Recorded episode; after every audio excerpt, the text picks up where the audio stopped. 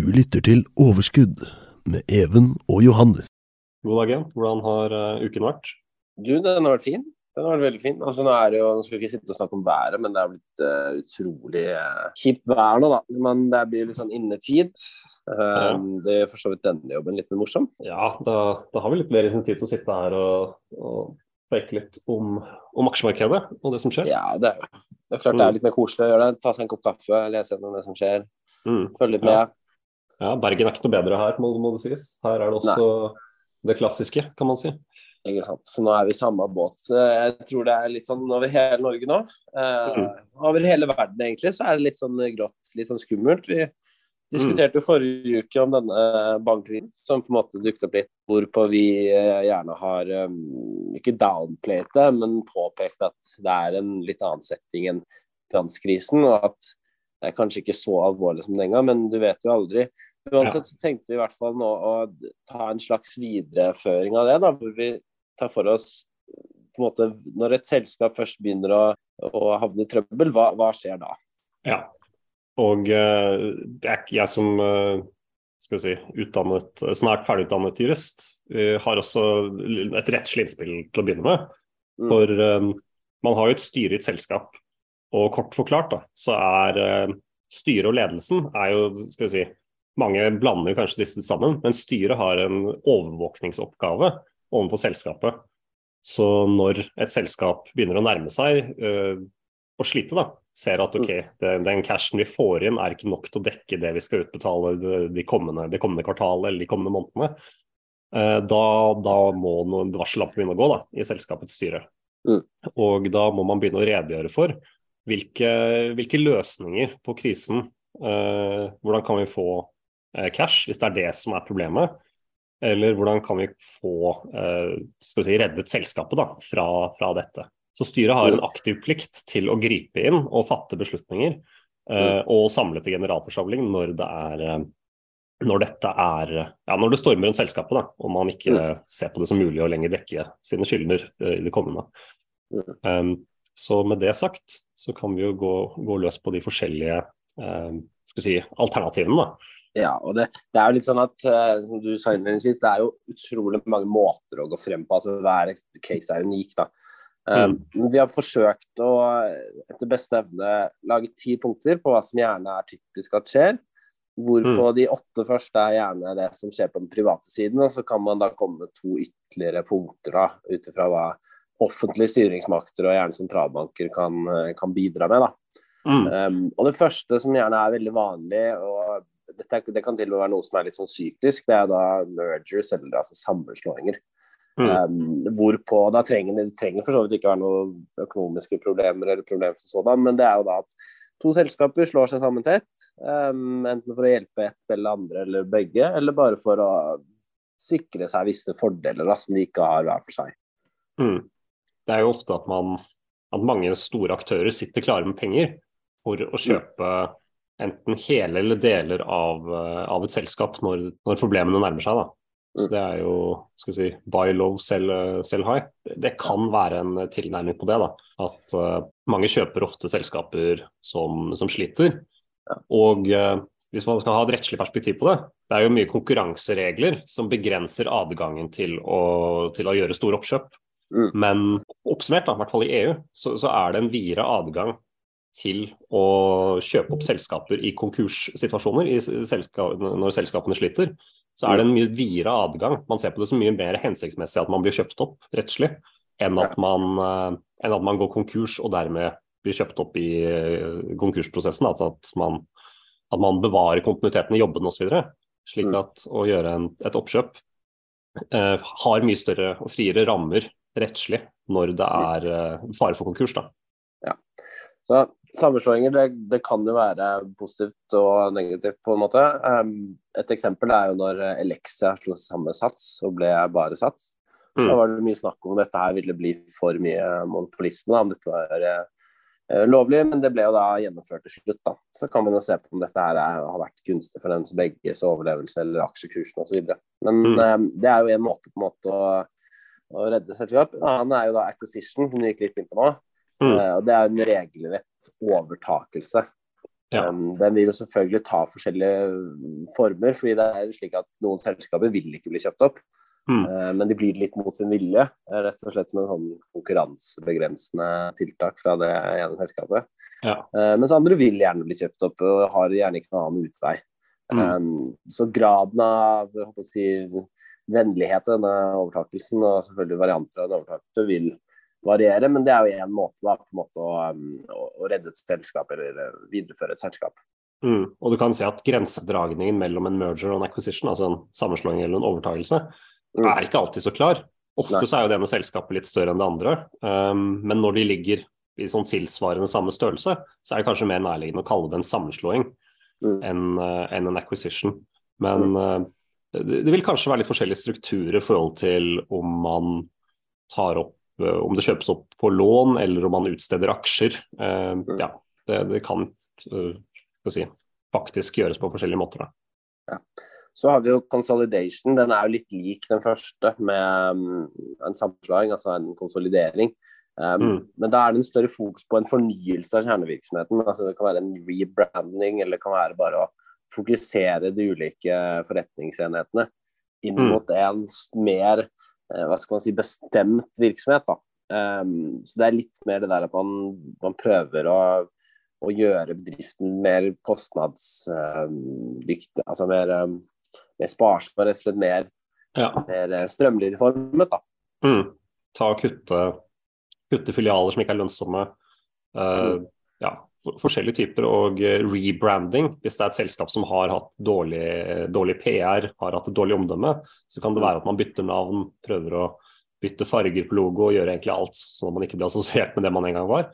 Eh, men det, det vanligste er jo at man må rett og slett bare gjøre kostnadskutt og, Ja. over hele linjen. Og prøve å skal vi si, Uh, finpusse den delen av bedriften som kan, og, kan være lønnsom i framtiden. Så Det er jo gjerne da litt mer eh, sånn Istedenfor at det handler om å bli størst mulig, så handler det rett og slett om å effektivisere litt mer. da. Det er det man gjerne kan, kan skille de på. Eh, Mm. Men det er jo selvfølgelig det er jo litt overlapping her, og hver case vil være litt forskjellig. Men vi Ja. kan jo gå videre på tender offer, da. Eller det er litt mer sånn tilbud under bordet. Sånn Mm. Det er jo da litt mer sånn Det trenger ikke nødvendigvis ha rot i noen problemer eller noe sånt, men det er rett og slett bare en liten sånn eh, en gest da, fra et selskap til et annet om at, eh, om at det er en interesse der om å kjøpe en virksomhet. Og det er da gjerne en, en pris som gis eh, i anførselstegn under bordet. da. Um, og så kan ledelsen i det andre selskapet velge eller vrake denne ut ifra hva aksjonærene ønsker. Mm. Um, så det er litt mer sånn, eh, hva skal man si, litt mer um, privat samtale, da. Eller Mm. forhandling. Ja, og det blir jo da forsteget til en, til en merger eller, eller acquisition. For det er ja. Det kreves jo at man har eh, tilstrekkelig flertall for å gjøre oppkjøpet. Varierer litt fra, fra land til land hvor, hvor mye eh, flertall man trenger. Men eh, for å gjøre en total overtakelse, så er det vanlig med, med 90, 90% av, av stemmene. Og så har vi da acquisition of assets. altså Vi tar dette på engelsk, for det er jo, som vi har diskutert litt før, så er det mange av disse som er litt vanskelig å um, oversette på norsk på en uh, gunstig måte. Men i hvert fall, dette er en prosess hvor det er snakk om å kjøpe enkelte uh, eiendeler eller enkelte prosesser eller immaterielle eiendeler da, hos et annet selskap for å redde seg selv, eller for å på en Mm. måte få noe som helst ut av det andre selskapet som måtte slite. da. Ja.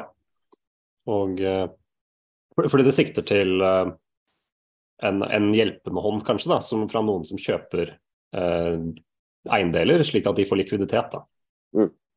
Så det kan jo være mange må- Her er det jo uendelig mange måter å løse på, men ja, det kan være et selskap som selv sliter, som prøver å selge unna ting de ikke Mm. vil. Og så kan det være et annet, annet selskap som forsøker på en måte å ikke bare redde disse, men også styrke seg selv litt. da, Gjøre, noe, gjøre noen gode Mm. kjøp der. Så, det, så det, det vil være mye forskjellig, men det handler rett og slett om at istedenfor at man eh, går aktivt inn, så handler det rett og slett om å selge enkeltdeler av et selskap. da, for å liksom Mm. Man kan jo se på det selv i sin egen hverdag, hvis man sitter på mye, mye man ikke egentlig trenger, og så selger man det for å få litt, frigjøre litt av økonomien. da. Det er gjerne litt mer det det, Mm. det kan gå i. Ja. Vi har jo og et tilfelle som jeg egentlig ikke har, har med, men som kan kanskje egentlig være litt sånn motsetningsvis som acquisition of assets. Mm. Eh, det vil være om man eller altså Egentlig er det et salg av eiendeler for selve selskapet, men man har tilfeller hvor eh, selskaper Eh, man har f.eks. SAS i, tilbake i var det 2012, når, de, når, de slet. Eh, de har egentlig alltid slitt, men eh, på det tidspunktet så, så, så, var det jo slik at de ønsket å eh, hente nytt kapital og ta masse ha et ganske enormt besparelsesprogram da, gjennomført. Men samtidig så hadde de et veldig sterkt behov for å få de aller nyeste flyene på, tidspunktet, på det tidspunktet. Da. At de skulle mm. gjøre dette gigantiske innkjøpet. Fordi, eh, og for de som kjenner flybransjen, nye fly alltid, har alltid mye lavere kostnader enn eldre fly med, med tanke på drivstoff. Og også vedlikehold. Så det, det, var på en måte et argument at vi trenger å gjøre uh, aktive kjøp for å foreta besparelser. Da. Mm. Så uh, hvor reelt dette var, det er selvfølgelig vanskelig å si. Men det, det, kan gå litt begge veier. da, At man ja. har eh, både kjøp og salg for å foreta besparelser.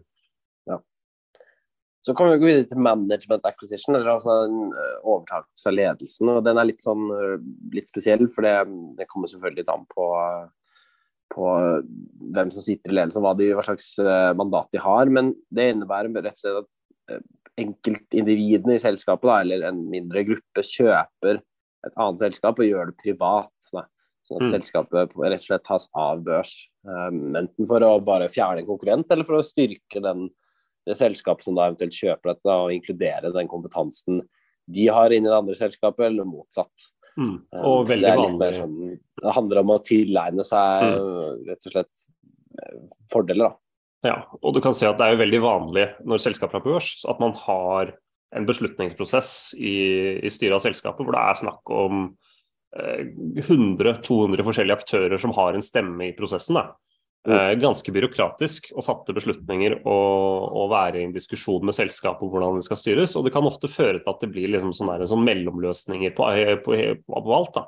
Mm. Så en løsning i sånne tilfeller da, hvor selskapet ikke klarer å helt bestemme seg, og, det, og den usikkerheten kanskje er, er til fare, mm. så, så, vil dette være en løsning. Da, at noen aktivt trår inn, tar over alt, og dermed har en mer skal si, en handlekraftig, et handlekraftig selskap privat. Da. For det er jo, når man børsnoteres, så, så er det jo en ulempe at uh, ja, du får kapital, du har veldig fri og aktiv tilgang på kapital, men til gjengjeld så, så, har du en mye større prosess når det kommer til å jeg skal si, styre selskapet og, ja. og styre det i henhold til aksjonærene. Det blir jo mye mer omfattende. Så det kan lage lange beslutningslinjer og gjøre det ja, gjøre at man alltid må gå på forlik da, når man skal lage, ta avgjørelser for selskapet. Nei, så Det er jo de seks måtene på en måte selskapet kan løse litt sånn um, om hverandre. De har jo da som sagt nevnt sammenslåing, en overtakelse, konsolidering, mm. et sånt tilbud under bordet. Gjerne litt sånn utveksling av verdier og eiendeler, og så ikke minst den sistnevnte, som var da at ledelsen på en måte kjøper et annet og tar det litt, um, litt mer privat da, retning på det. Mm. Uh, men vi har jo også måter hvor man kan inkludere jeg håper å si, andre hva skal man si, parter. da. Uh, vi har jo utstedelsen av nye aksjer, uh, utvanning. Mm. Noe vi har begge stiftet ganske mye bekjentskap med de siste årene i hvert fall. Ja, ja, der, er det, der har det vært en del emisjoner. Det er vel, ja, vi har oversikt over rekorder på hvilke, om vi noen gang har hatt flere emisjoner. Men det er stadig nyheter om selskaper som skal hente inn penger. Og... Det føles ut som om det har vært veldig mye emisjoner, i hvert fall. Ikke ja. at jeg har vært sånn veldig opptatt av det før, men uh, siden vi to begynte med dette her, Johannes, uh, ja. så har jeg i hvert fall følt på min side at det har vært ufattelig mange emisjoner. det, det, stemmer nok, det. Men vi kan jo kanskje si at emisjoner kan jo deles i også to kategorier. Uh, mm. Grovt sett selvfølgelig flere òg, men det, utgangspunktet så kan det jo være en kriseemisjon. En emisjon mm. som er med, med, formål om å si, redde selskapet. Ser jo at Flyr hadde jo en rekke kriseemisjoner før eh, de ikke klarte det lenger. Mm. Uh, SAS har jo hatt noen. Uh, Norwegian har hatt flere i 2020 og årene før det. Mm. Så, men man vil også kunne ha emisjoner rett og slett bare for, uh, for å si, gjøre investeringer uten, fra, fra, en posisjon av styrke. Da. Altså, la oss ja. si du har, uh, har, klart å utarbeide en patent til et uh, legemiddel, og så mm. har du lyst til å ta det til markedet. Da, da er jo det kanskje en, en, emisjon, en styrket emisjon, da, hvor du kan sette emisjonsprisen veldig nære markedspris. Mm. Mens uh, si, kjennetegnet, eller det typiske med en kriseemisjon, er jo at du må utvanne selskapet ganske betraktelig. Da. utvanning skjer uansett, men du må gi avkall på mye, da.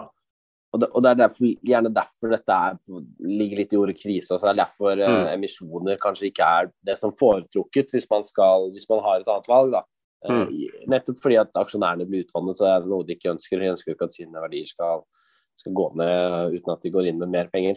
Eh, Ja. Alternativet er jo punkt åtte, og det er da å utstede nye lån eller obligasjoner. Og Det er jo nettopp Mm. det at de, de da f.eks. skal ha noe penger til et nytt prosjekt eller et nytt produkt eller et patent eller hva det måtte være. Eh, Eller bare å refinansiere ting de allerede har, eller fornye det de har. Og da Mm. tar de heller og, og um, utsteder obligasjoner, da, obligasjonslån, eh, som investorer kan kjøpe. Og det er jo gjerne da litt større investorer. Eh, det fins ikke en markedsplass på samme måte som man kan bare kjøpe aksjer eh, Ja. fra obligasjoner. Men selvfølgelig gjennom, eh, gjennom banken din så er det alltid mulig å slenge seg på fond, eller hvis man er heldig, så, så har man andre muligheter. Men det er jo én måte de gjør det på, da. Ja. Nylig var jo PGS inni, inni de traktene. Uh, Mm. Utredet muligheten for å finne obligasjoner.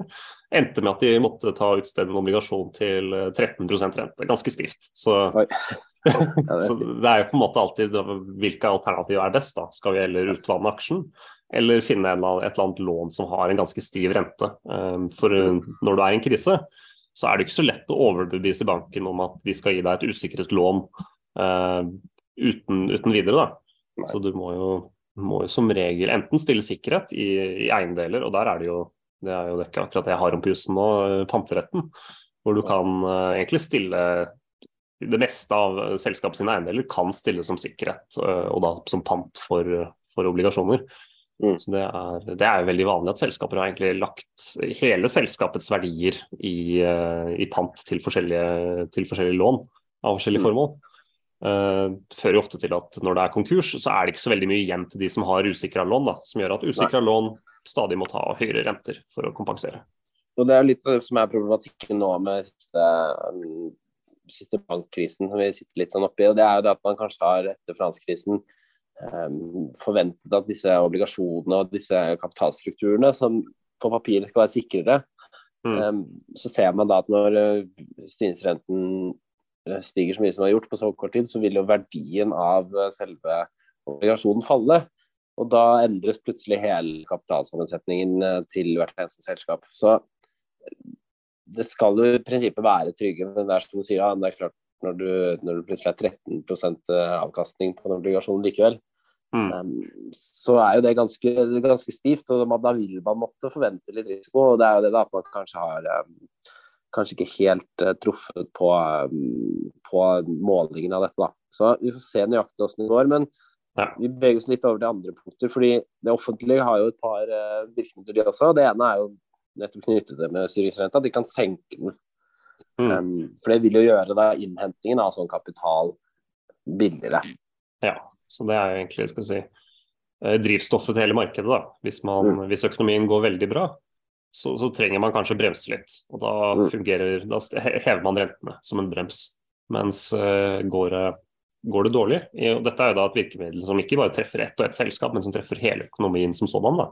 Mm. Og det er jo det vi har fryktet kanskje, at uh, denne bank, eh, disse bankselskapene skal ta og, og velte store deler av økonomien. Mm. For uh, bank, en, ja, uten å gå for langt inn på det, så vil jo et, et konkurs, uh, en konkurs av en bank ha mye større virkninger. Det er ikke bare at uh, det er en gruppe aksjonærer som sitter og taper penger, men man har også en, en stor gruppe kunder som, som kanskje ikke får dekning fullt ut. Slik at en bank, eh, når man hører om konkurser i bank så, og at banker kollapser, så blir jo frykten ofte mye større. Ja. Og, eh, men styringsrenta er ja. Ja, det er et viktig middel, men det som har vært problemet, at det har jo egentlig gått for bra for lenge. Mm. Og Ja. nå ser man litt sånn hva som er problemet når man da må sette på bremsen litt. Um, og folk har over tid kunnet bygge opp ganske uh, tilsynelatende trygge balance sheets, da, men så viser det seg da at de er ganske utsatte likevel. Mm. Når det kommer en brutal uh, holdt å si, um, utvikling i motsatt uh, rekkevidde. ja. Så, Så, men det er jo det da, så blir det på en måte last resorten da, på siste punktet, som er eh, da bailouts. Mm. Eh, Hvis ingenting funker. Sentralbanker Hva sa du? Ja, hvis ingenting funker, så vet ikke om vi har litt dårlig Hvis ingenting funker, da er dette på en måte siste utvei. Det sier det jo litt i ordet også, en bailout. Det er rett og slett at en sentralbank har en buffer som de da bruker til å spytte inn i disse bankene hvor det er um, problemer med likviditeten. Mm. Jeg vil også bemerke at uh, man finner kanskje andre metoder enn en faktisk bailout. Mm. For uh, 2008 ble man, da, Myndighetene ble jo veldig kritisert for at de gikk inn og ga lån i realiteten, da, som egentlig ingen forventa at de skulle betale, betale, tilbake. Altså Rent sånn at du bare tilførte likviditet uten mm. at det, det er noe man får igjen for. da, Annet enn at arbeidsplasser blir bevart. Men dette er jo aksjonærene fikk jo beholde verdiene sine i General Motors og mange av disse bilselskapene som, som fikk mye bailouts. Mm. Og uh, kontroversielt, definitivt. Um, så vi får se. Nå har jo kanskje sett ut at det blir en annen tilnærming uh, så langt da, i denne mindre bankkrisen så langt. Mm. At uh, man har sagt at ja, vi kan tilføre likviditet og vi kan dekke kundenes uh, tap i disse bankene. Mm. Men vi, vi tar ikke aktivt og redder aksjonærene. Det, det blir for drøyt. De, de, mm. får ta tap. De har tatt risiko, og det er jo deres uh, risikostyring, da, eller egentlig selskapet, som har ført til at de har gått under. Så det skal jo ikke belønnes. Så da redder man de som er liksom verneverdige, og lar de som uh, fortjener å ta tapet, få tapet. Så det er kanskje en løsning som er bedre. Men uh, vi har jo også sett andre løsninger som man vet ikke om vi kan si at Credit Suisse-situasjonen er en bailout på noe vis. De har jo, Den sveitsiske sentralbanken har jo garantert og tilført likviditet. Mm. Men de har jo også gjort bare Hele lovverket i Sveits har jo også laget unntaksbestemmelsene. Nå kjenner jeg ikke detaljene fullt ut, men de har også rettslig sett gjort det mulig for styret å overkjøre aksjonærene i Credit Suisse. Som gjorde at uh, de måtte, Credit Suisse ble, ble, tvunget til å ta et tilbud fra konkurrenten UBS. Uh, som gjorde at de ble kjøpt opp til en, uh, til en underpris. Da, uten, at, uten, at, aksjonærene hadde noe valg annet enn å akseptere det. Så ja. veldig, veldig, spesielt, veldig unikt. Men det er nok en, en viktig løsning. Slik at slik at Credit Suisse og alle kundene Credit Suisse har jo fryktelig mye kapital. Det er det som gjør det så litt mm. skummelt i forhold til uh, disse andre bankene vi har nevnt uh, forrige uke. Så, så, er Credit Suisse en, mm. en, en, kjempe, kan man si, da, uh, forhold til um, Silicon Valley Bank og disse andre. Ja. Så men det som er litt spennende, her er jo det der at man prøver på en måte å utvide verktøyboksen man har på, på disse krisene også. Mm. Det er litt sånn som vi advokerer, at man burde ha en verktøykasse selv. Um, Det er det man prøver på, da, at man ikke bare tyr til samme gamle løsningen. For det skal jo være last resort. ikke sant? Um, og da er det litt sånn kjedelig hvis den alltid må benyttes. Men vi kan jo gå videre til litt momenter. da. Her er det jo klart, Vi har jo nevnt litt essensen av dette. her er jo kanskje å være litt mer klar over på, hvis man skal få den ut av episoden. da. Være litt mer klar over hva som kan fort skje da, hvis man begynner å øyne problemer i horisonten. Um, hvis jeg skal komme med ett tips sånn, i all hovedsak, så er det rett og slett å være oppmerksom tidlig om du eier en egen aksje. Mm. Um, være litt fokusert, ha, ha utveiene klare, og så ikke minst bare ha disiplin da, i form av en, en stopplås, som gjør at man aldri slipper å gå gjennom alt dette. For jeg husker jo godt i uh, korona, uh, f.eks. Uh, så, så, ble jeg jo med ned uh, ut, fordi jeg rett og slett ikke hadde noe idé om hva jeg hadde tenkt å gjøre. Um, ja. Og da, jeg, da, lærte jeg selvfølgelig veldig mye om prosessen videre. Det ble jo emisjon og hele pakken. Men, men, men, det beste hadde jo rett og slett bare vært å ikke vært med. Jeg kunne, jeg kunne lært like mye av å sitte og følge med fra utsiden. Ja. Så én ting er jo det med at ha et stopplås hvis selskapet risikerer å gå konk. Mm. Men selv i en resesjon så, så, vil jo veldig mange selskaper uh, gjøre besparelser, ha noe som ligner på redningsplaner. Da. Så det er kanskje en vanskelig nyanse å si nå er selskapet i trøbbel, og nå er det egentlig bare at ok, vi er i en resesjon, folk, uh, penger i omløp begynner å stoppe opp. Så litt nyanse da, kanskje, men generelt uh, ha en plan. Det er jo egentlig det som er, er Uh, Ha en plan for dette. Vit, følg med på selskapene du, er, du holder og eh, hvis selskapet begynner å nærme seg finansielt trøbbel, så må du også sitte og stille deg spørsmålene hva Er det realistisk at de ikke finner en løsning? Det er selvfølgelig en veldig vanskelig vurdering. Det er veldig mange som brant seg på Flyr nylig. Uh, men varsellampene har jo vært der hele veien. At det har uh, vært kriseemisjon til kriseemisjon, og de har egentlig aldri klart å fått eh, blitt i nærheten av å bli profitable. da. Selv om det har blitt et bra brand i flybransjen som veldig mange har likt, og tilbudt en tjeneste som er veldig god, så er det dessverre det er litt synd. Det, det burde egentlig være nok for å være, være, et selskap som har retten til å leve, men dessverre så er profitt og eh, alt som teller eh, når det kommer, kommer til slutt.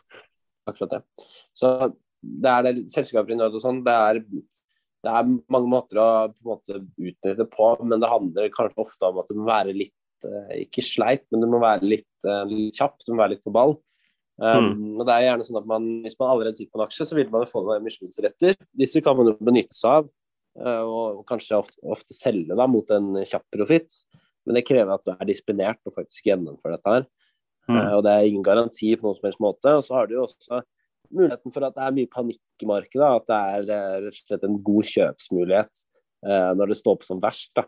Hvis man klarer mm. å på en måte tolke litt mentaliteten som er der, og merke at her er det ja, her er det mye usikkerhet, men mye av det er ubegrunnet. Og det går an å tjene, tjene noen grunker da, på å gjøre en kjapp, kjapp inn, kjapp ut-manøver. Eh, ja, så selvfølgelig ikke noe å anbefale for nye, nye, nye investor, men det er, det er, noen som spekulerer på det. Spekulerer på at her er det en krisepakke som kommer til å fungere og mm. selskapet er verdsatt til konkurspris på dagens pris, da, da, da, kan man kanskje ta en vurdering og si at ok, overlever de, så, mm. så, så er den prisen her eh, en veldig god underpris. da. Mm. Så, men det er, det, er, det er, selvfølgelig krevende vurderinger. og uh, Ofte så er det jo står jo, Når selskapet er i en krise, så er det veldig krevende å hente kapital billig. og det er veldig krevende, ja, Enten med misjon eller med obligasjoner. Mm. Så, men hvis man reelt sett har gode handlingsalternativer, uh, eller har uh, godt med likviditet, tross for at man eh, får mindre omsetning, så er det jo kanskje, kanskje grunn til å se om markedet reagerer fornuftig da, på, mm. på nyhetene. Det er egentlig, mm. egentlig, det. Gjør din egen ja. vurdering. Ja, det høres veldig bra ut. Så blir det spennende å se fremover om eh, hvilken uh, av disse punktene, om noen det er som melder seg, og eventuelt kombinasjonen av hvilke.